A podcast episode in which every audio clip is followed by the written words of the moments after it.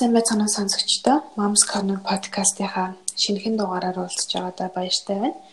Тэгээд энэ удаад болохоор өвлийн үйлрэл альчлан ирсэн учраас за хүүтний үйлрэлд хүүхдийнхаа дархлааг яаж дэмжих вэ? За ийм болон бэлтгэлийн аргаар бус уламжлалт за гэрийн аргаар мөн монгол аргаар яаж дэмжих вэ гэсэн сэдвээр бол ярилцах гэж байна. Тэгээд энэ удаагийн зочин маань болохоор сонсогчд маань ерөнхийдөө сайн таних бах. Би амьдрал store гэдэг групп дээр ээжүүдэд зориулсан туяагийн цаг гээд за өөрийнхөө туршлага болон одоо мэдлэгээсээ ээжтэй хуваалцдаг ийм эмэгтэй мөн ээж хүн оролцох гэж байгаа. За тэгээд зочинтойгоо танилцъя. За сайн байна уу? Аа тэгээд өнөө э, энэ ярилцлагыг одоо сонсож байгаа бүх сонсогчдод энэ өдрийн мэндийг хүргэе. Аа тэгээд э, намайг туяа гэдэг. Аа би болохоор дөрөв хүүхэдтэй. Тэгээд хүүхдүүдийнхаа ханиадтай эмгүү эмийн бус аргаар тэмцдэг болоод бас овоо хэдэн жил болчихжээ. Одоо нэг 4 5 жил болж байна. Тэгээ өмнө нь бас л адилхан ингээл эмчэд айгүй хүүхдээ ханиад төрөхээр нь үзүүлээл их антибиотик өгөөл эм өгөөл тэгэл эмний хор уршиг те эмний хордлого гэх мэт юмнуудыг бас амсчил явсан л та. За та хаана амьдардаг вүлээ? Би одоогор гэр бүлэрээ Швед улсад амьдарч байгаа. Аха. Тийм том охин маань энд эмчилгээ хийлэгдэн. Аха. Швед улсын уур амьсгал юу нэг Монголын хос яг одоо өвлийн улиралд ямар хөө байдаг вэ? харьцуудаад аа э ерөнхийдөө бол шивэд өөрөө их далаагаар хүрээлэгдсэн ус гол мөрөн ихтэй тийм аа газар зүйн байршилтай болохоор тэгээ дээрэс нь нөгөө хойд туйлтайгаа ерөнхийдөө ойрхон манай амьдарч байгаа хот маань ялангуяа хойд тултай нэлээд ойрхон болохоор нэлээд хүүтэн сэрүүн өвлийн уйлдрал, намрын уйлдрал, хаврын уйлдрал бол нэлээд урт үргэлжилдэг. Аа гэвч манахаас нэг давуу талтай юм нь болохоор утаа байхгүй. Утаа бол э, бараг байхгүй талтай. Тэгээд хүүтний градусын хувьд бол нэлээд тэмчхэн хүүтэн. Ааха. Нэг чиглэг хүүтэн байна шүү дээ, тий. Чиглэг юм нэлээд жин одоо дөнгөж нэг хасах 2 3 градустай байхад л манай Монголын 10 гаруй градустай дүүцгүүц хэмжээний одоо өвөл хамгийн хүүтэн нь 23 4 хүрдэг байхгүй 25 заримдаа бүр хамгийн их энд ирснээс хойш хүүтэрч байсан нэг 28 градус хүрч байсан. Тэр нь болохоор манай Монголынхоор бол бараг 30 хэдэн градус 35 6 градус байхаар хэмжээний тийм нэлийн хүүтэн. Аа Тэгээд нэлийн цас ихтэй. Аа. Тийм уур амьсгалтай.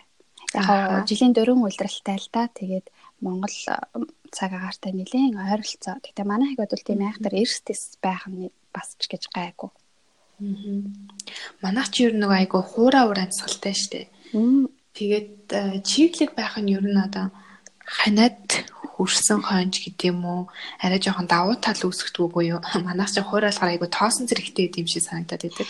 Тийм манайх болохоор нөгөө хуурай тийм тоос шороо ихтэй болохоор яг ханаад хүрэхээр нэг юм жоохон хашлын маяг маягтай тий улам ингэж хоолойгийн захтнуулах ч юм уу тэр талдаа Монголын уур амьсгал арай илүү юм шиг санагдсан. Эдгэрийн хугацаа арай багтай. Аа чиглэг гэдэг чинь хүн угаасаа одоо ханаад хүрэхээр аюу их нөгөө нэг чийг алдчихдаг. Гийнхаа чигийг усыг шингэний аюу их ингэж алдчихдаг. Тэгээ хоолой хуйрааших, хамар хуйрааших гэдэг гэдэг бол ерөөсөө ханаад хөрөнгөт тохиолдож идэг. Тэгээ нөгөө ханаад үргээр өрөөгөө сайн чийгшүүл агаар сайн оруул гэлдэгдэг шүү дээ. Тий.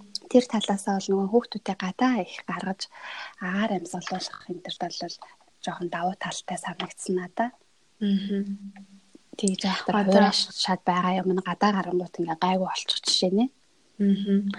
Манайд л одоо тэгдэм үү вирусын гаралтай ханиад айгүй их болоод тэр нь бүр ингээл бөөлжилт суулгалтанд хүргээлээдэг. Тэ айгүй их нөө дорхноо хүндэрчдэг. Иймэрхүү ер нь ханиад наа чин байдгүй та ямар хойд юм бэ? Ер нь бол ингэдэг юм байна. Хүүхдийн хүүхдийн ч гэлтгүй ер нь ханиад ерөнхийдөө бол вирусээр үүсгэгддэг. Аа тэгээд вирус ч юм бол ганцхан ганцхан. За энэ вирус гэсэн тийм юм байхгүй. Маш олон төрлийн вирусээр үүсгэгдэж байгаа юм л да. Ханиад хүрэх болгонд өөр өөр шинж тэмдэг илэрдэг штэ тий.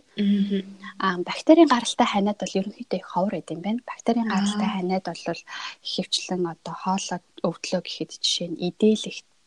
Аа. гэтэл вирусын гаралтай ханиад маань хоолоо өвдсөн ч гэсэндээ улаагаад идэлдэггүй юм байна.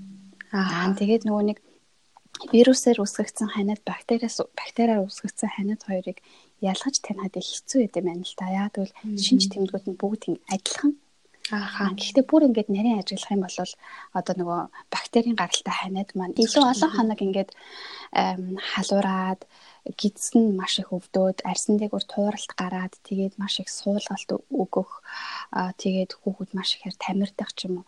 Тиймэрхүү шинж тэмдэг нь арай илүү байт юм байна. Тэгээ хоолой жишээлбэл одоо эдэл эдэлс учраас маш их өндөр халуурна. Тэгээд чих их өрөвсөн А гэхдээ чихний өрөвсөл бол вирусын гаралтай ханиадан дээр ч гэсэн тохиолддог гэх мэтчлэн. Тэгээ энд бол ерөнхийдөө цэцэрлэг сургуулийн хүүхдүүд бол маш их ханиадтай. Тэгээ цэцэрлэг дээр одоо маш их нусан гоцсон тийм хүүхдүүд явж байдаг. Тэгээ энэ вирусээр үүсгэгдэж байгаа ханиаданд шведийн эмнэлэг эмчилгээ ямар нэг эмчилгээний заалт байдгүй. Одоо ингээ хүүхд маань ханиад түрээд 2 3 хоног халуураад ингээ үзүүлэх гээд яваад чад шинжилгээ аавна цусны шинжилгээ авлаа. Өө энэ вирусээр үүсгэгдсэн ханиад байна. Ямар нэгэн бактери илэрсэн вэ? гэртээ харж усуул гэж тийм зөвлөгөө өгдөг байхгүй юу. Тэгээд анх би энд ирчээд айгүй их гайхажсэн. Нөгөө Монголд ч ерөөсө бараг хамраа ханаа төрөөгүй юм бичиж өгөл тэрийг нь хэрэглээл тэгдэг байсан хүмүүс ч энд ирээд усуу усаа уугаад идэх гэдгсэн чинь бараг гайхаад үгүй ч ямар сони яаж идэх ингээд ингээд ямар ч ихтгэл үнэмшил байхгүй. Тэгээ яг ингээд ус угаасаа аптекэд ороод ийм хөдөлтөж авъя гэхэд рецептгүй бол ийм өгдөггүй. Аа. Тэгээд нөгөө рецептгүй олгогдож болох үс юмнууд нь болохоор зүгээр ийм жирийн энгийн тэгээд дээрэс нь бид нар өөрсдөө нөгөө хөлийг нь сайн мэдхгүй шууд уур мэдэн аваад өгчэй гэхээр ямар ч танил тийм юм байхгүй. Тэгээд яг л нөгөө усан дээрээ л буусан тэгээд усаа өгсөн гэрээ хаасраага хийсэн тэгээ хүүхд маань идгээд тэгээд анх бүр маш их гайхажсэн. Тэр үйл явдал тэр процессыг үгүй энэ ч одоо ингэж их ханяаж халуурж байгаа хүүхэд зөвхөн ус уугаад ингэж идэгчдэг юм байна гэж. Тэгээд тэр цагаас хойш ерөөсөө нөгөө дархлааны тухай судлаад энэ ханиадны тухай ханиадыг яаж юм гүүгээр э, гэрээ аргаар урьдчилан сэргийлж болох юм те. Хамгийн чухал нь ер нь л урьдчилан сэргийлэлт болон эрт үед нь илрүүлж эмчлэх нь ер нь л хамгийн зөв арга барил юм бэлээ миний хувьдлаа. Манайх ч нөгөө жоохон удаачаар хатгаа болчихно гэж яагаал хүндрэхээс өмнө гээд гэс юм үгүй гэж бодоод байдаг те. Харин наа чинь болохоор ерөөсөө тэгдүүм биш те те. Энд бүр 10 хоног халуурахыг э, зөвшөөрдөг. Хэвийн гэж үзгөө. Хэвийн гэж үздэг. Ягаад гэвэл э, вирусын гаралтай ханиад бас ерөн жоох явц удаантай. А бактерийн гаралтай ханиад ч гэсэн явц удаантай байдаг юм байлаа л те. Гэхдээ нөгөө нэг нэгний шинжилгээгээр бактериах биш гэж гараад ирсэн тохиолдолд тэрийг ямар нэгэн антибиотик ч юм уу тийм ийм уугаад тэр вирус угаасаа устгагддаггүй учраас зүгээр л юм хэрэггүй антибиотик биедээ ингээд оруулаад хорт бие хордуулах тийм л процесс болоод туурч байгаа. А вирусын гаралтай ханиаданд ерөнхийдөө юу чухал вэ гэхээр вирусыг хөлөргөх хөлсийг нь гаргах халуун байлгах чухал. Тэр халуун хоолунд идүүлж хөлсийг нь гаргах яаж чухал вэ гэхээр тэр халуунд вирус маш ихээр өвчтэй юм байна л да. Тэгэхээр нөгөө халуун банд оруулах, халуун аар зайн суулгах, халуун хоол идүүлэх, саримстай хоол идүүлэх, нөгөө горчис тавих, уушгин дээр нь одоо нөгөө янз бүрийн хүмүүс чинь нөгөө адууны махцах тавиал боогод идэг шүү дээ. Тэр чинь бүгдээрээ ерөнхийдөө нөгөө уушгийг халаах процесс юм байна. Одоо тэр уушгин дээр корчиз нааж хонол одоо ингээд оролт хийх, зүгийн балтаа оролт хийх бас нэг юм э, байцаа мацаа тавиад идэм байлаа шүү дээ. Тэр тэгээ тэр адууны махт байгууд тавьж боож хонох энэ чинь бүгд нөгөө нэг уушгийг ингээд халаах ийм процесс явагдаж байгаа юм байна. Тэгэж тэр уушгин дотор байгаа цэр, нян, вирус бүх юмыг устгаж байгаа л процесс юм байна л да. Тэгээд тэр вирусын вирусыг эмээр биш тийм аргаар устгах нь хамгийн үр дүнтэй бөгөөд үлдэцгүй идэх тийм арга байт юм билээ. Би түрүү хэлжсэн урьдчилан сэргийлэх болон эрт үед нь илрүүлэх гэдэг бол хамгийн чухал. Эрт үед нь илрүүлнэ гэхээр одоо хүүхд хүүхдэд ажиглан ханаад шууд ингээл өнөөдөр гинт ханаагаал эхэлчихдэг. Ерөөсө тэрний өмнө даалт буюу биднэрт анзаарахдагхгүй 2 3 хоног ингээд нэгээс 2 нэгээс 3 хоног ч юм уу тийм талт үе явагдчихэдэг. Тэр үеийг яаж мэдэх вэ гэхээр одоо жишээ нь би хүүхдүүд дээр ингээд шүдэн угаахад амных нь үнэр ингээд өөрчлөгдсөн байдаг байхгүй юу? Эсвэл хамарнаас нь ингээд нэг эвгүй өнөр өнөртдөг ч юм уу.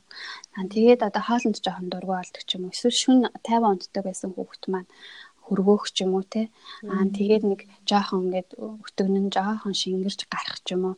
Нэг юм хэвийн байдлаасаа арай өөр юмнууд ингээд ажиглагддаг. Хоолндоо жоохон дургүй болох. Тиймэрхүү юмнууд.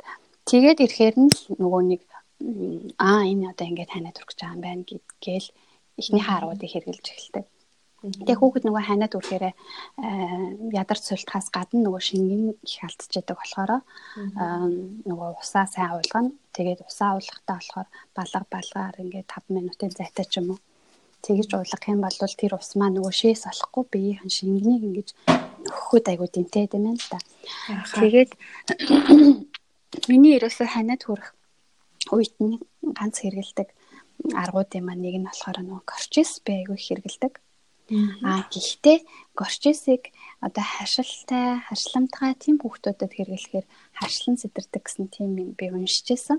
Аа тийм болохоор бас өөрийнхөө хүүхдүүдийг ажиглаад ойрхон тийм горчис сайн наадаг туршлагатай ээжүүд эмч сувлагч авах юм бол бас асууж зөвлөгөө аваад ерөөсөө огт тавьж байгаагүй бол тийм. Аа тэгээд тэр горчис тавихаар одоо нөгөө захын мэдрэлийн судсууд захын цусан хангамжууд сайжирд юм байна. Тэгэхээр нөгөө хаа бас нөгөө нэг ингээд цусан хангамж сайжраад захын мэдрэлийн э, мэдрэл нь ингээд сэргээд ирэхээр э, бас нөгөө вирус маань устгагдчихэдэг. Ааха. Тэгээд тэр корчистай усан төлийн дүрх эсвэл ихэнхдээ би бол нөгөө олдож байгаагаар нь ирээн булчин дээр наах корчис аягүй хэрэгэлдэг. Тэгээд тэр корчис наахаар ерөнхийдөө хоолон жоохон сэрүүгнээд эсвэл жоохон улаагаад юм залхихт нь хүндүрлээд эхэлжсэн болвол ерөөсө 2 3 хоногийн дотор тэгж наагаад найралцдаг байхгүй юу идэгчдэг. Тэгээ тэр айгүй зүгээр санагддаг. Тэгэхээр нөгөө нэг өөр тэр ихэн үед нь л олж авах юм бол тэр нөгөө айнс цэцэргэн арт тэр гэрийн тэр юутай хоол саримстай хоол мол маань дандаа ихэн уюудад хамгийн сайн үйлчилж яадаг. Тэгэл тэр ханаад маань 3 4 хоноод ингээд жоох удаад эхлэхээрээ тэр зүйлүүдийн маань үйлчилгээ нь ингээ улам багасч яадаг. Тэгэхээр нөгөө нэг манай ээжүүд маань их зарим нь тэгдэг штэ. Аа за жоохон хардсны айгу алчих байлгүйтэй энтергийн хэд хоног алдчихдаг. Тэр хардсан хоногудтаа л тэр гэрийн асаргаагаа түлхүү сайн хийж өгөх юм бол нөгөө ханаад идэх хугацаа маань. тийм хурдан юу яаж идэг. Тэгээд анс цэцэр ансыг ялангуяа одоо уулгах жаавал анс ч өөрөө нөгөө С витаминаар баялаг дөнгөж эхэлж байгаа ханиадыг С витамин аягүй сайн бас ингэж устгаж дарж идэг. Тэ нөгөө нэг анс буцлан гэх манайхан аягүй их буцлагж байгаа төгчдөг ансаа. Тэгэхээр нөгөө ансан доторх С витамин нь ерөөсөө байхгүй болчдөг. Ансыг ерөөсөө тэгж одоо буцалгаж хэрглэж болохгүй гэх юм уу. Тийм болохоор одоо өмнөх оройн нь хэрвээ сахар хийдэг болвол сахараа өмнөх оройн хийгээд уусгаад тэр хөөс мөсийг ялгаруулаад тэрийг нь авчаад маргааш нь яг ансаа чанахта ерөөсөө ус анс хоёроо дөнгөж буцлангууд нь таслал авахд болно. Тэгэж тэгээ дээрэс нь ансаа бутлаад цэцэргнаа буталж иж ингэж чанах юм бол бас айгүй илүү үйлчилгээтэй юм бэлээ. Тиймэрхүү хоёлаа шууд баг аргуудаа ирээ явчихлаа тий. Аа. Эхлээд нөгөө за урьдчилан сэргийлэх аргуудаасаа эхлээд яриад хоёлаа ингээ жоохон ханаада хөндрүүлээд явах уу? Урьдчилан сэргийлэх дээр болохоор ханиаднаас урьдчилан сэргийлэх маань ерөнхийдөө бараг 100-аас эхэлдэг. Яаж эхэлдэг вэ гэхээр нөгөө ерөөсөө тархлагын дэмжих маягаар. Аа тэгээд 100 ялангуяа хүүхдүүдэд айгүй их гадаа тоглоулдаг. Гадаа тоглоулахдаа элсэн дээр их тоглоулдаг. Өглөө алган ялангуяа элсэн дээр 10 минут ч байсан хамаагүй суулгахыг хичээдэг. Тэгээд ус бас их чухал гэдэм бэлээ. А усан даруулах усан санд хичээлдүүлэх ч юм уу эсвэл нөгөө ерөнхийдөө ийм ус агаар ис тий ус агаар нар ис гэсэн энэ дөрвөн юмыг хоршуулж зуны илрэлт аягүй гадаа тэгж байлгадаг. Тэгээ тэр маань анх бараг 3 4 жилийн өмнө нэг тэгж эсэн дээр тоглолдог болж эхэлснээс хойш өвөл нь бараг ханид хүрээгүй. Ааха. Тэгээ мэдэгдэжсэн. Тэгээд э, тэрийг мэдснээс хойш жилүүдэд бүр нилээн боролтолн бараг харалтсан ингэж гадаа тоглолдог байсан. Тэгээд тэр биений айрс ингэж харалж боролж ингэж хөрс суухаараа бас их ханаад хүрх хүрх э, тоон ингэж багасч багассан. Аа Монгол хүүхдүүдийн онцлог ер нь бас нэг их наранд учиргүй түлэгдээд ингээд юу ячдгүй юм бэлээ. Болохоо ячдгүй юм бэлээ. Тэгээ нөгөө айхтар хурц нарнаас нь зайлсхийгээл яг болох нарнуудтай аягүй их хангалттай хэмжээгээр гадаа байлгадаг байсан. А хоёр нь болохоор нөгөө хүүхдийнхаа хоол хоол хэлтэн дээр нэлээд анхаардаг хүүхдүүдийнхаа аль болох нөгөө шим тэжээлтэй, амин дэмтэй тиймэрхүү байх талаас нь. Гэхдээ энэ одоо хооллох арга маань Монголд ч бай, одоо энэ шиг гадаадд ч бай. Энэ бол ерөөсө хамаагүй. Хүмүүс болохоор нөгөө гадаадд байгаа болохоор л хамгийн сайн сайхан юмыг түүж идэл сайхан байдаг болдог гэж боддог байхгүй юу. Гэтэл бол тийм юм байхгүй. Одоо жишээ нь манах нөгөө булууны яс нилээх чанж хэргэлдэг. Тэгээд тэр булууныхаа яснаас гарсан шөлөөрөө дандаа юм хоолн тэр шөлнөөсөө хоолндоо ингэж ашиглаж ядаж гурлаач хүртэл зуурна. Шүлтэй хоолооч хийн. Тэгээд сэрүүсээ дээрх тусам шүлтэй хоолоо ахиухан болгодог. Аа тэгээд одоо хүүхэд өдөрт 5 удаа хооллоо гэхэд 5 өөр төрлийн одоо өглөө нь каш өгсөн бол оройн нь дахиж каш өгөхгүй те. Өдөр нь бантаа өгсөн бол орой оройны хоолн дээр дахиж бантаа өгөхгүй ч юм уу. Аль болох олон нэр төрлийн. Ногоо аягүй сайн хэдүүлдэг тэгээд ногоонуудаа их хольж сольж хэрэглүүлдэг. Хоолндоо их олон өнгө багтаахыг хичээдэг тэгэхээр нөгөө нэг өнгө олгомж өөр өөрийн тусдаа үүрэгтэй тусдаа аминд юм шимтэжэл агуулж идэг болохоор нөгөө одоо зөвхөн ногоон өнгийн жимс ногоо идээл ах юм бол нөгөө улаан улбар шар өнгөнүүдээс авах витамин маань бас дутагдаад эхэлнэ. Тэгэхээр нөгөө энэ өнгөнүүдээ ингэж айгүй их оршуулж тэгээ дээрэс нь ногоогоо бас нэлээд сайн ингээ хүүхдүүд идээд эхлэхээр аа нөгөө витамин гайгүй аваад эхэлт юм шиг байлаа.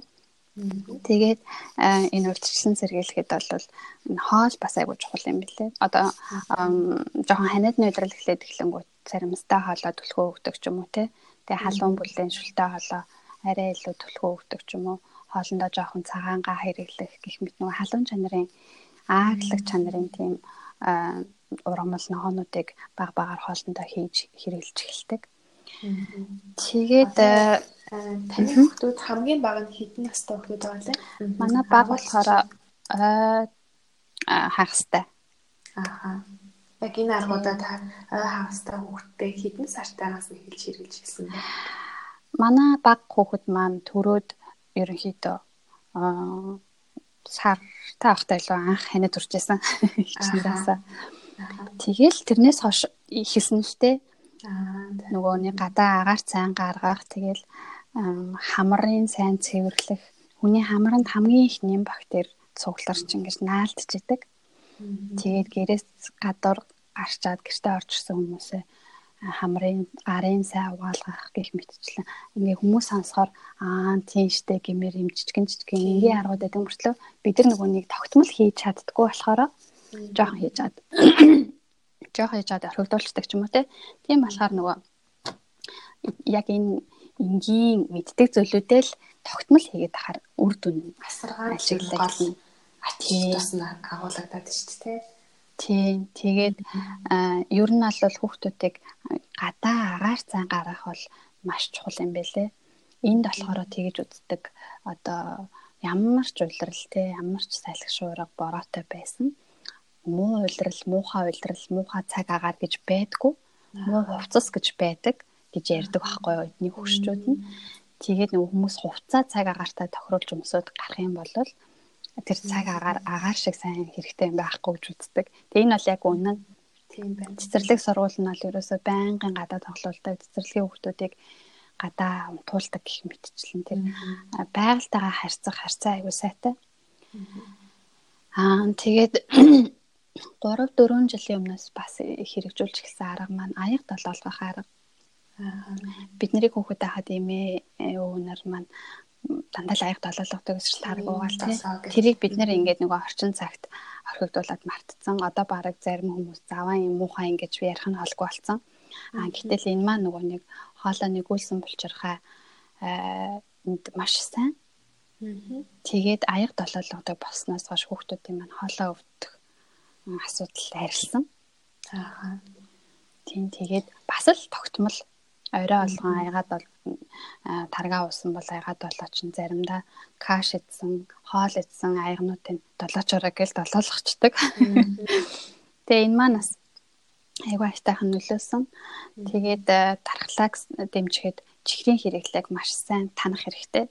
Чихэр шоколад өдөрт идж байгаа сахарын агуулмж те. Өдөрт одоо хүүхэд маань өглөө варианта талах идсэн бол тэр дотор хичнээн хэмжээний сахар агуулгадж байгааг нь бодох хэрэгтэй.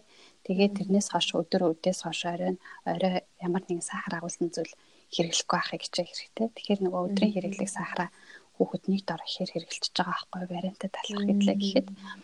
Аа тэгээд одоо зайрмагнууд байна те. Зайрмаг ямар их сахар ордог лээ гэх мэтчлэн өдөрт хүүхдэд өгж байгаа каш тараг юу гэдэг зарим ногоонд хүртэл жимсэнд хүртэл маш их сахар агуулгадчихдаг шүү дээ тий.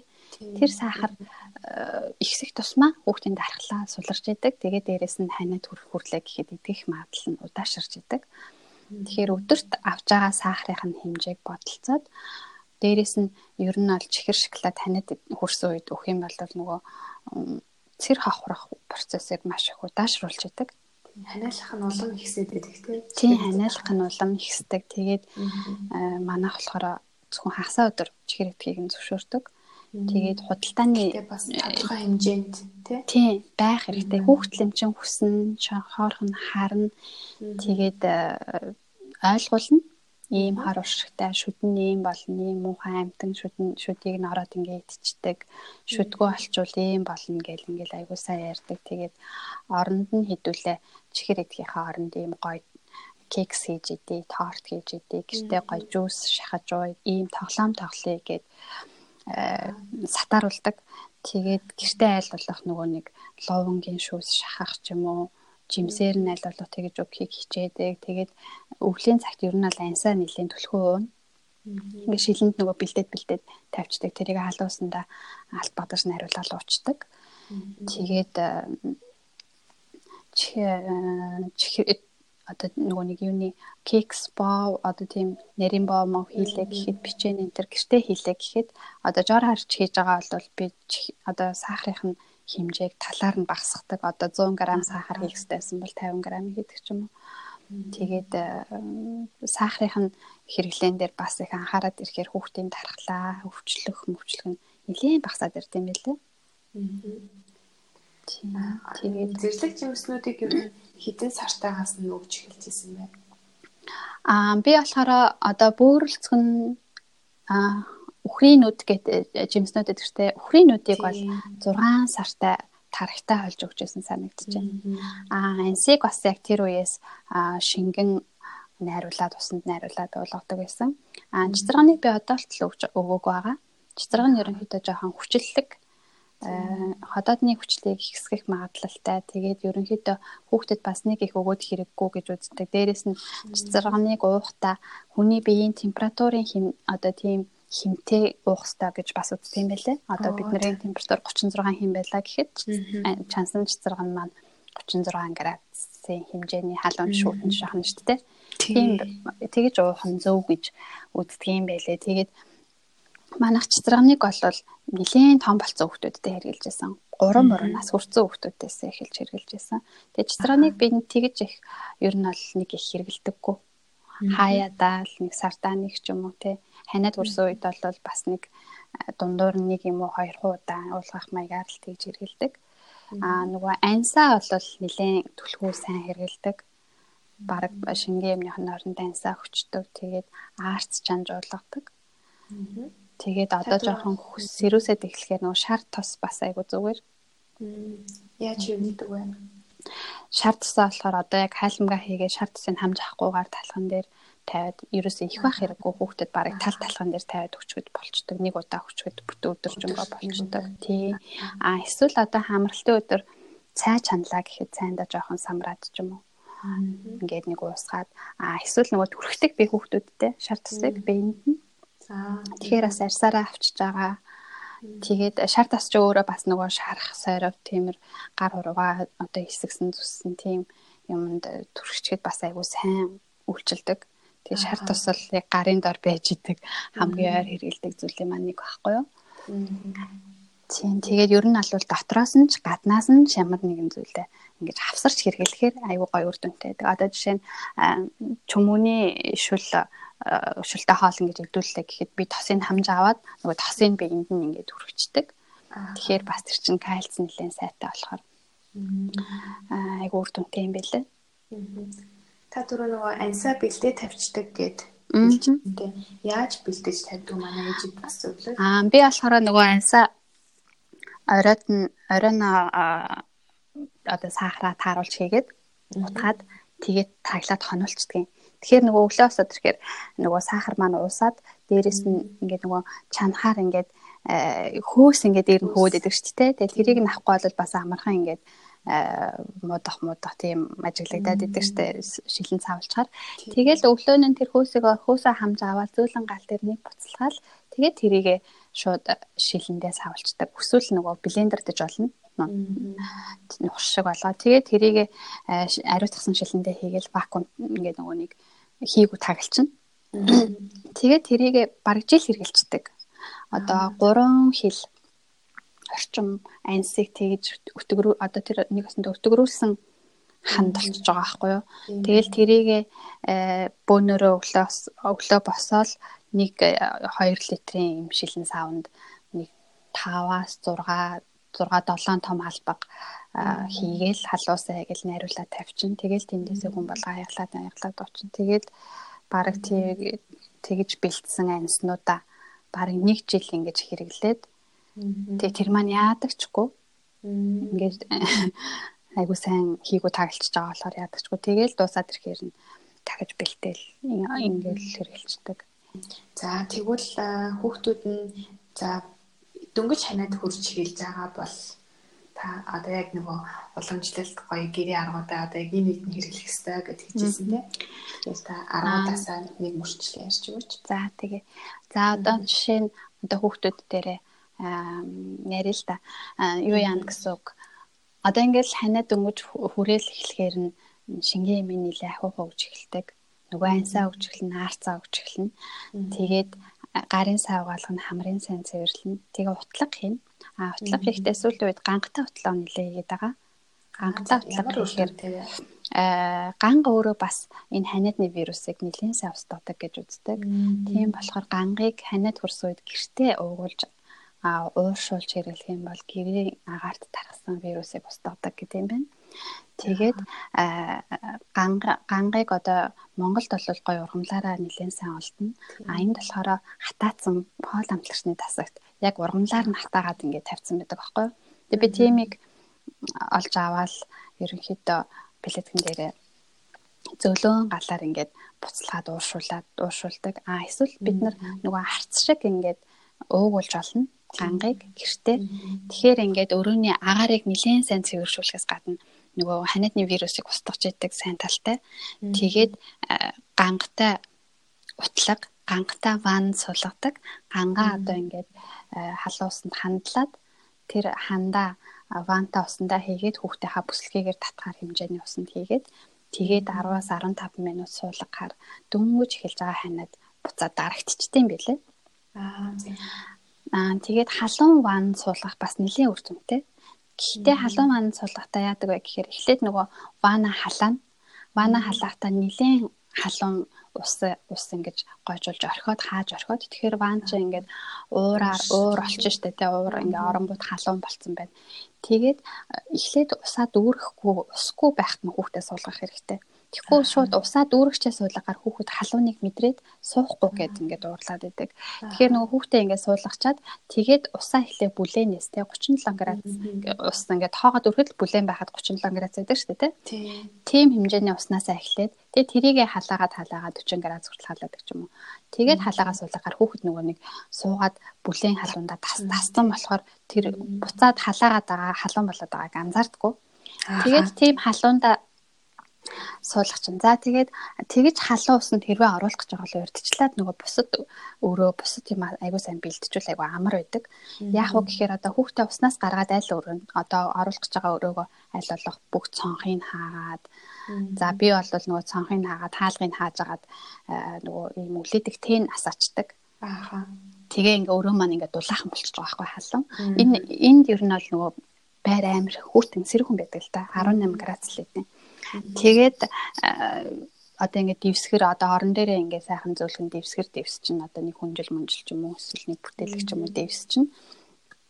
Тэгээд нөгөө гарч ирээд тослох тосыг нь одоо нөгөө сүлний тос байна уу чөмөөний тос байна уу нөгөө шар тос байна уу те аль алингоор нь таслах гэж байгаа. Тэрийгэ бэлтчин тэгээд нөгөө солих хувцсыг нь бэлтчин. За тэгээд хүүхдээ нөгөө нэг халуусандаа суулгаа тэрэнд бол ерөөсөө угааж муугах шаардлага байхгүй. Тэр халуун ууранд л суулгах гэн чухал болохоор тэгээд нөгөө хангалттай усанд бас удаан суудгүй юм байлээ. Тэгэхээр 10-аас 15 минут ахтал хангалттай. Тэгээд тэр уснаасаа гаргах гарахтаа ингээд битүү сайн ороогоод гаргаад нөгөө нэг дулаахан өрөөндөө авчиад бас шууд юуг нь хүчлагыг авахгүй. Яг тэгвэл тэр дотор байсан чиглэг халуугаар нөгөө өрөөний агаар хоёр ч өөр болохоор тэгээд бас нэг 5 10 минут нөгөө альчууртай нь оролттой нь ингээд суулгаж агаад тэгээ хөлнөөс нь эхэлж гаргаад ингээд тослоод дулаахан амсын өмсгөөд буцаагаад ингээд дулаахан хуурай ямаар ингээд хувччихна. Тэгээ дараа нь дээдлийнх нь альчуурын гараа оруулж байгаа цээжсгийг нь таслаад нуруусгийг нь таслаад Mac-ийн өмсгөө цамцын өмсгөө чинь. Ингээд цээж хөл хоёроо шилбэ ингээд далдалцсан дулаахан болгоцсон хувцалцсан тохиолдолд бас ч гэж гайгүй нь салхи аваад өсвүүд болохгүй. Тэгээд босод хувцснуудаа ингээд хүүхд маань өмсч чинь. Тэгээд хайжмаар нөгөө яг тэр гарсныхан дараах нөгөө халуун уух юм аагүй бас айгүй зүгээр идэг. Тэгээ энэ яагаад ингээ ванд ингээд хүүхдээ суулгаад хөлргөөд байгаа юм бэ гэхээр хүүхэд бид нар шиг нөгөө халуун юм ойрхон ойрхон ойчилж угаад хөөсөө гаргаж чаддгүй шүү дээ тий. Тэгэхээр нөгөө нэг тийм бан суулгах маягаар хөлсийг нь гадагшлуулвал айгүй зүгээр байгаа байхгүй юу? Тэгэхээр нөгөө насны хязгаар байгаа юу? Насны хязгаар би бол сая ой гарантаа хүүхдээ суулгах цаа айгүй дэжгүй байсан. Аа. Тийм. Өмнөх хүүхдээ бас гарантай хөвгдөд болно гэж ойлгох уу? Болно. Гэхдээ хэрвээ утлаг хийхдээ соттой усаар хэрвээ утж байгаа бол нүдийг аниулах хэрэгтэй. Нүдээ ингэж аниатай байлгаж утуулах хэрэгтэй болдог байхгүй юу? Тэгэхээр нөгөө бүр нэгээс доош нэг гар настай хөвгдөд чинь нүдээ ан гэхээр анихгүй шүү дээ. Тий. Тэгэхээр зүгээр ойр арчимд нь ингээд нөгөө ууршуулад Тэгээд тэр ууршуулж байгаа газраа ингээд тэврээ суудаг ч юм уу. Тэгэх юм бол нөгөө хамар хоолоор нь орхон зүгээр.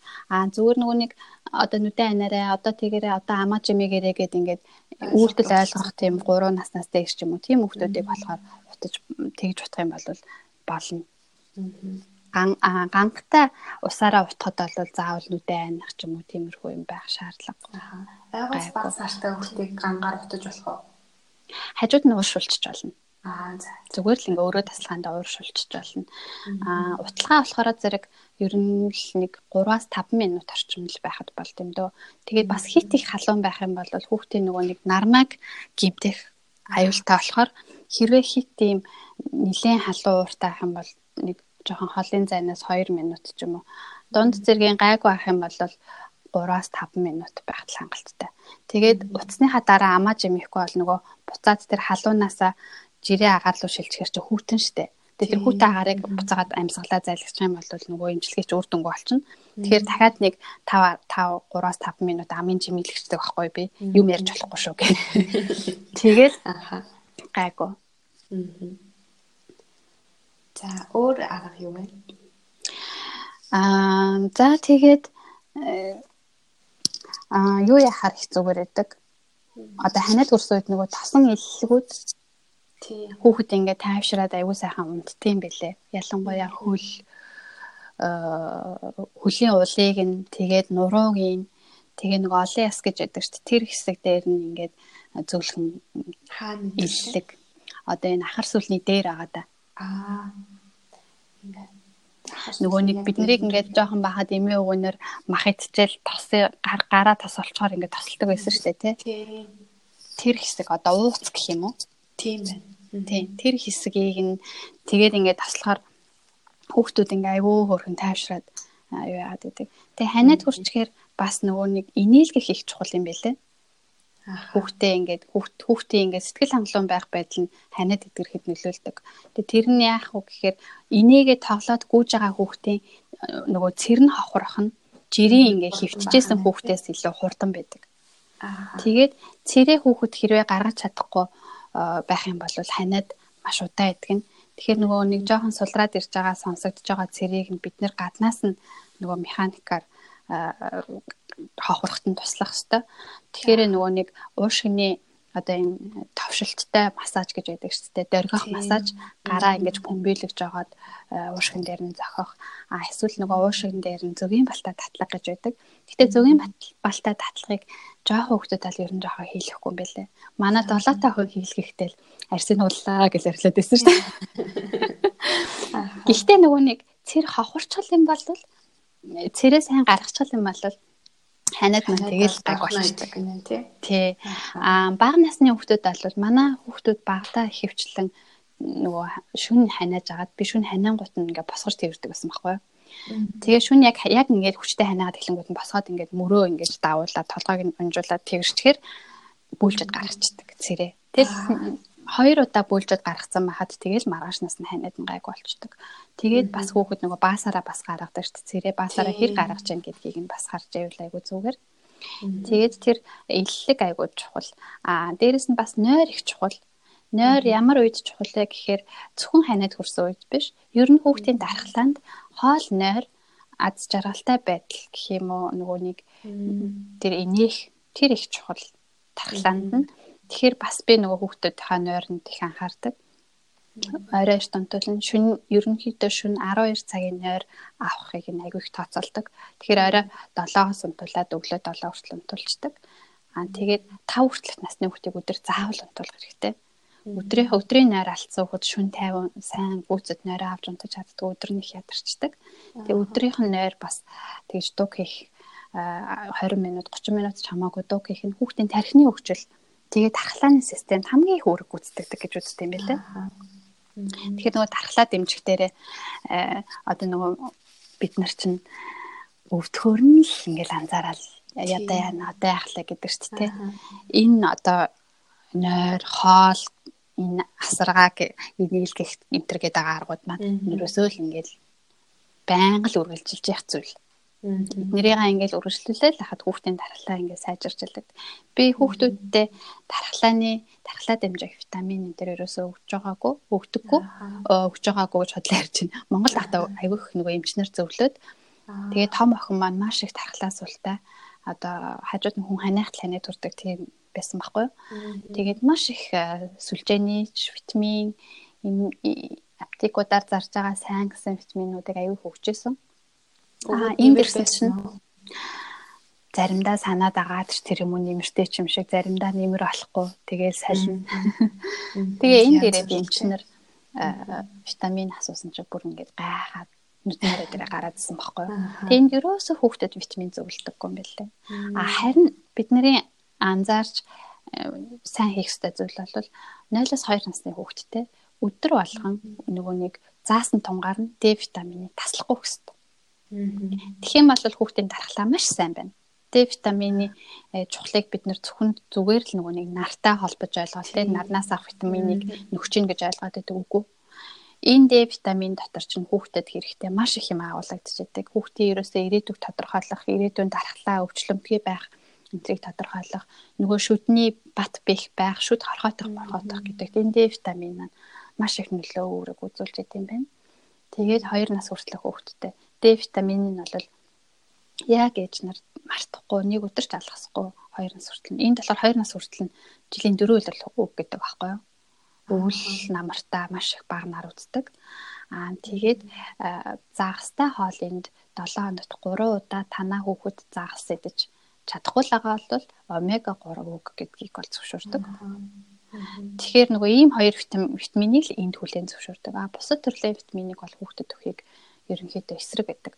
Хүүхдийн дархлаа 6 7 нас хүртэл тэнцвэрч тогтворчдггүй. Тийм болохоор тэр үед нь бид нэр ямар нэгэн гаднаас нэмэлтээр дархлааг нь дэмжих гэсэн зорилгоор витамин өгөөд авах юм бол яг хүүхдийн дархлаа тэнцвэрчээ тогтворчод ирэхээр нөгөө дархлаа султай сулбар амархан өвчлөмтгий байх нь ихсэд эхэлдэг.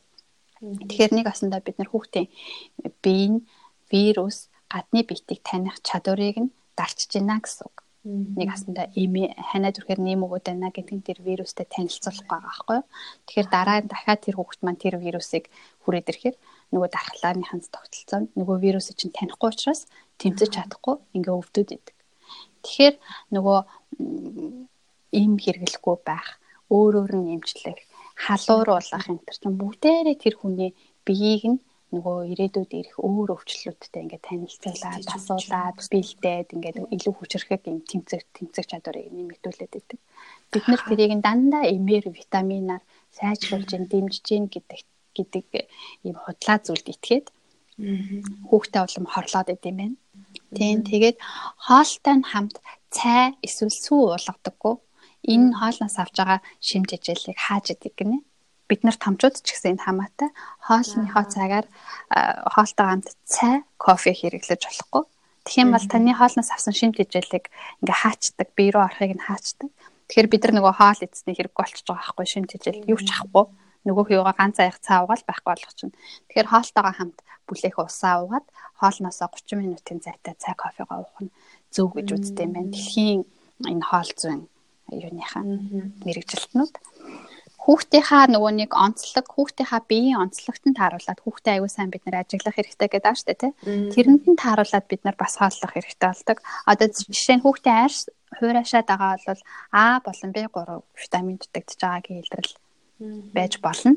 Тэр тохиолдолд бид нар брокколи, хулуу, өндөг, сүү одоо тэгээ лууван тэ аа тэгээд илэг хүүхдүүд маань бас ингээд бутлаад котлет энэ хийгээд өгөхөөр бас айгу дуртай иддэг шүү дээ.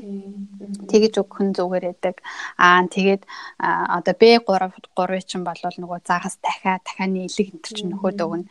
Тэгэхээр тэр хоолнуудаа өгөх нь илүү түлхүү гэх юм бол тэр витаминыг таблеткын витамин уухаас илүү биед нь ингэж гүн шингэж өгдөг. Одоо витамин бэлэн витамин ингээд уухаар одоо С витаминыг бэлнээр уулаа гэхэд 100% бид ингэж шингэдэг юм байна л да.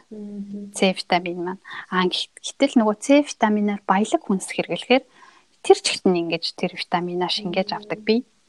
Тэгэхээр нөгөө нэг үнэтэй витамин худалдаж авах мөнгөөрөө шин сайхан ногоонуудаа аваад хөлтөөгөөд нөөцлөөд тэрнээсээ хүүхдүүдтэй ингээ шинээр нь хэрглэж явах юм бол илүү эрүүл мэндэд нь хэрэгтэй. Тэгээ хүүхдүүд маань нөгөө нэг тийм эрүүл хэв амьдралын хэв маягт бас давхар суралцж байгаа байхгүй юу. Юм болонгууд эм витамин аптек руу гүйхгүй э, ямар нэг юм болох юм бол одоо зэрлэг жимс хүнсний ногоороо гүйж явах нь илүү зөв штэ тий. Тэрийг мэддэг болчихно штэ. Тийм. Ер нь бол ханиадд үед ялангуяа агаараа сайн амсгалж явах нь илүү зөв юм бэлээ. Аа тэгээ хүүхдийнхаа гадаа гарахтаа а амаа жоохон жимихийг нь заануу гэхээс нөгөө амыг нь тагалж оролтод зүлгэх хэрэггүй байдаг. Яа тэгэхээр хүүхэдний тэр оролт маань цан цохоод ингээд нойтон болчдөг. Тэг тэр нойтонгоороо хүүхэд ингээд дахиад агаар ингээд сороод амьсгалахаар ингээ хүүхэд бүр илүү хүүтэй агаар ингээ амьсгалаад байгаа байхгүй юу. Тэгэхээр баг ингээ тэр оролтыг зөвхөн хоолой хүзүү хэсгээр нь ороогод ам тэр хэсгийг нь бол айл болох ил байлгах нь илүү зүгээр. Аа Аа тэгээд гадаа гарч чадахгүй үедээ ядаж нөгөө гэр дотроо сайн дулаахан хувцалж агаад би бол бүр өвлийнх нь хувцснуудыг өмсүүлж агаад цаанхаа нефт онгоолгоод салхилуулчдаг гэсэн 5 минут 10 минут. Тэгэхээр нөгөө өрөөнд дотор хагаар маань ингээд бүтэн цэвэрлэгдээд шинжлэгдээд шинэ агаараар солигдчихж байгаа байхгүй юу. Тэгээд хүүхдээ нөгөө нэг дулаахан хувцастаа хувцалсан байж агаад өөрөө жоохон дулаацаад ирэхээр баг багаар тайлаад нэмлээд ингээд тасгачдаг. Тэгэж аягүй агаараа салцсан байгаа тий. Тэгээд нөгөө манай Монголын байрны парнууд амар хүчтэй өндөр халдаг шүү дээ. Тий. Тэр тохиолдолд нөгөө парныхаа дор варины шилтэй уснууд бас тавьж өгөөлөө агаар бас аягүй чигшүүлэх чигшүүлнэ. Аа парн дээрээ нойтын тавьж чигшүүлж болохгүй. Тэгэхээр хүүхдээ уушгин дэх юм уу? Аа. Тэгэхээр тэгж чигшүүлвэл бас их зүгээр идэх шүү. За тэгэхээр та одоо яг за ойрын үед хүүхдүүд нь ер нь ханаа түрээгүй гэж ийсэн. За хөндөрсөн үед ер нь за ямар ямар арга хэмжээ авал зүгээр гэдэг юм бала.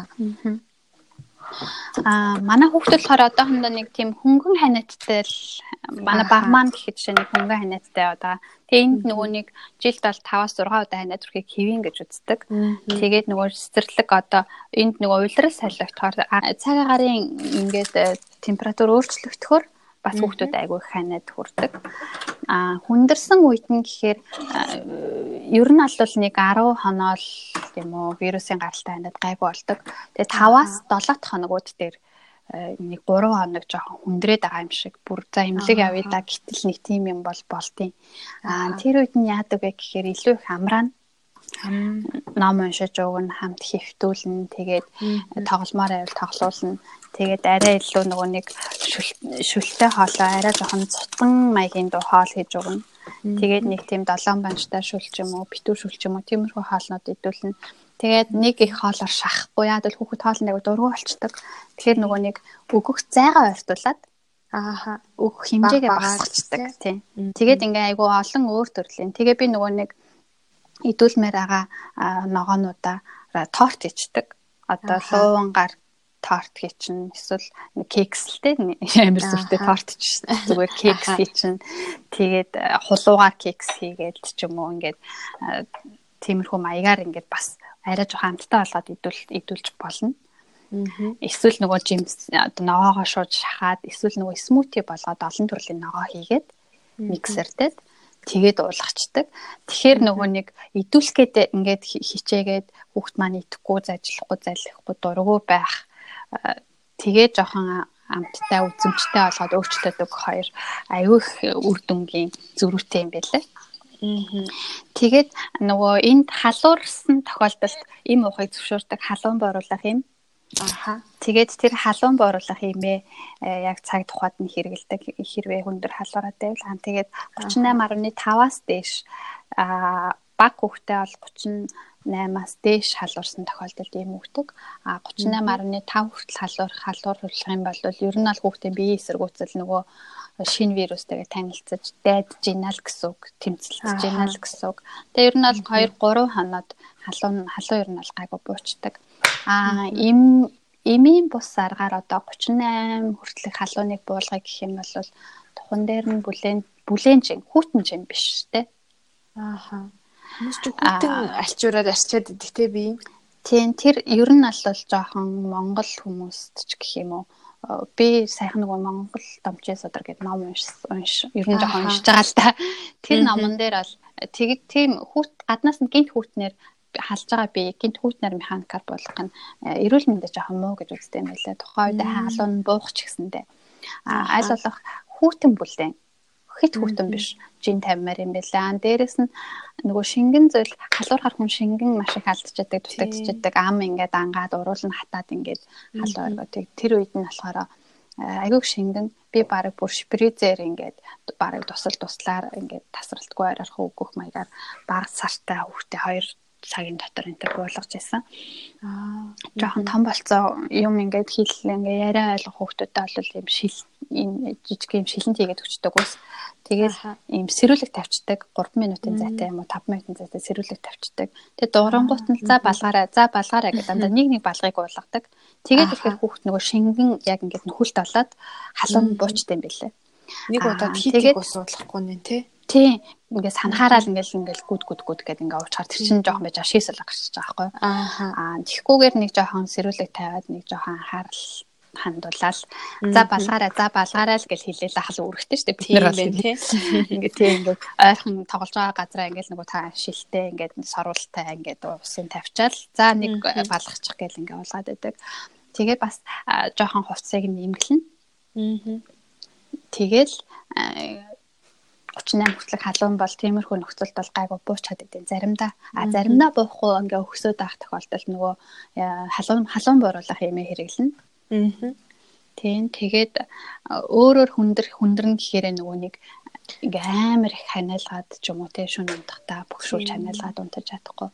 Тэр үед нь болохоор тийм тэр үед нь болохоор шингийн муулган шингийн муулгата заримдаа соттой сүү уулгачаар ханиах нь эрс багасчдаг юм байлээ. Тэгээд өдрийн цагаар дэшээ вэ? Содтойс нь 2 наснаас дэшээ өгөхөд бол гайгүй. Аа за. Хоёроос доош бол би соттой сууж байгаагүй. Соттой сүү чинь бас нэг ер нь бол бас жоохон урал явагдаж байгаа. Тийм тэгээ бас номон дээр заримдаа бол бүр тийм мэдээч гэсэн ч байд юм бэлээ. Гэхдээ нөгөө нэг тухайн үеийнхаа ханиадныхан тэр юг ингээд даарчдаг. Уул нь тарган шир гэж яддаг шүү дээ. Тий. Одоо Монголд байдаг болов.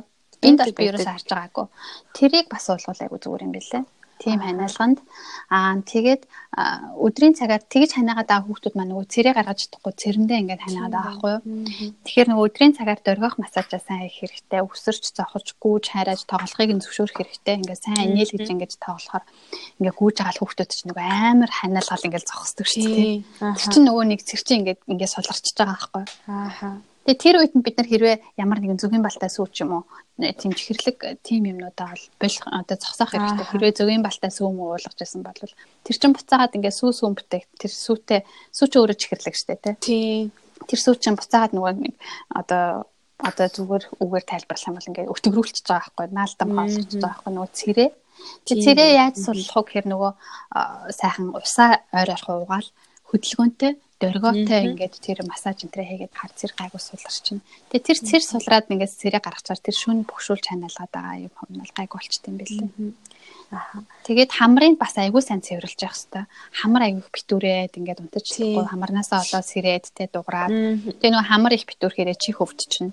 Тэгэхээр нөгөө хамрыг нь айгүй сайн ингээд хаач хажууд нь нээж үзүүлээд ч юм уу эсвэл өөртөө ингээд цэвэр хөвөнгөөр сайн цэвэрлээд ингээ унтуулад тэгээд бүр бага насны хүүхдүүдийг бол 45 градусын налуу байрлалтай унтуулвал их зүгээр.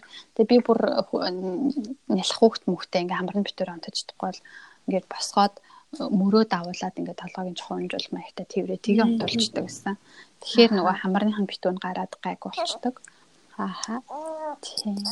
За одоо нөгөө яг одоо Монголд болохоор нөгөө нэг амар их бөөлж суулгадаг тийм ханиад гарчаад байгаа байхгүй. Тэгээ ээжүүд маань юу нь яах вэ гэсэн амар их асуултууд би харсан. Тэгээ тийм ээжүүдэд та өөрийнхөө бас мэдж байгаа нарийн арга байвал зөв өгч. Тиймэрхүү одоо энэ бас тийм нэг гидсэн аявих өвдөх бүр тийм гидсний ханиад гэд нэртэй тийм ханиаднууд аявих байдаг. Тийм ханиад хүрсэн тохиолдолд энд болохоор гацтай ундаа уухыг зөвлөдөг. Тэр газ нөгөө нэг гидсэн доторх тэр нянг устгах юм байна л да. Энд болохоор тийм газтай уснууд энэ төр байдаг байхгүй юу? Аа энд бас бас байгаа. Байдаг болсон. Аа сайн биш. Тэгвэл тэрнээс ингээд зүгээр юм байна. Багыг ингээд өгөх юм бэлээ. Одоо өдрийн 3 ч юм уу те. Тэгээд би гэрээ ариутгадаг. 5 сар эсвэл одоо гэртээ ган гууршуулна. Эсвэл нөгөө нэг нөгөө мананд байдаг нөгөө лээ хоол амталдаг лаврын навч. Лаврын навч аа. Тийм, лаврын навч ариут тавдаг. Тэгээд өрөөгөө аягүй сайн ингээд агааржуулаад чийгшүүлээд аа холормынтой юм алчуураар ингээд юм юмнууд арчиждаг. Тэгээд хүмүүсийнхаа гар гарыг хамрыг их сайн цэвэрлүүлнэ. Аа. Тэгээд бас нөгөө наад чинь бас нөгөө вирусын гаралтай байхгүй юу? Ааха. Тэгэхээр зэрэг нөгөө сайн хүлэргэн. Нөгөө халуусандаа оруулаад гарч ирэнгүүт нь шал тосороо ингээд э, цээж хөл хэсгийг нь аягүй сайн бүр ингээд халууд өгтлэн өөр хагарыг ингээд халааж агаад халууд өгтлэн тослоод дулаахан хуцлаад оймстой нь унтулчдаг. Тэгээд нөгөө тэгж халуун уснасаа гарч ирснийхэн дараа халуун уух юм нөгөө нь одоо халуун сүү ч юм уу халуун аарч ч юм уу халуун ханс ч юм уу тий өөж чадахгүйг ингээ халбагдаад ингээд ойрхон ойрхон 10 халбаг халуун жоохон халуун бүлэн 10 халбаг ингээд уулгацсан байхад бол тэр чин тэр хүүхэдтэй ингээд хангалттай болчихж байгаа байхгүй юу халуун халуу халууцаад аха тэгээ сайхан дулаахан хүнжилт нь оруулаад оймстой тэгээ унтуулчаар маргааш нь айгүй гайгүй болоод босоод ирд юм байлээ. Тэгээд лаврын навчаа яаж ашигладаг вэ?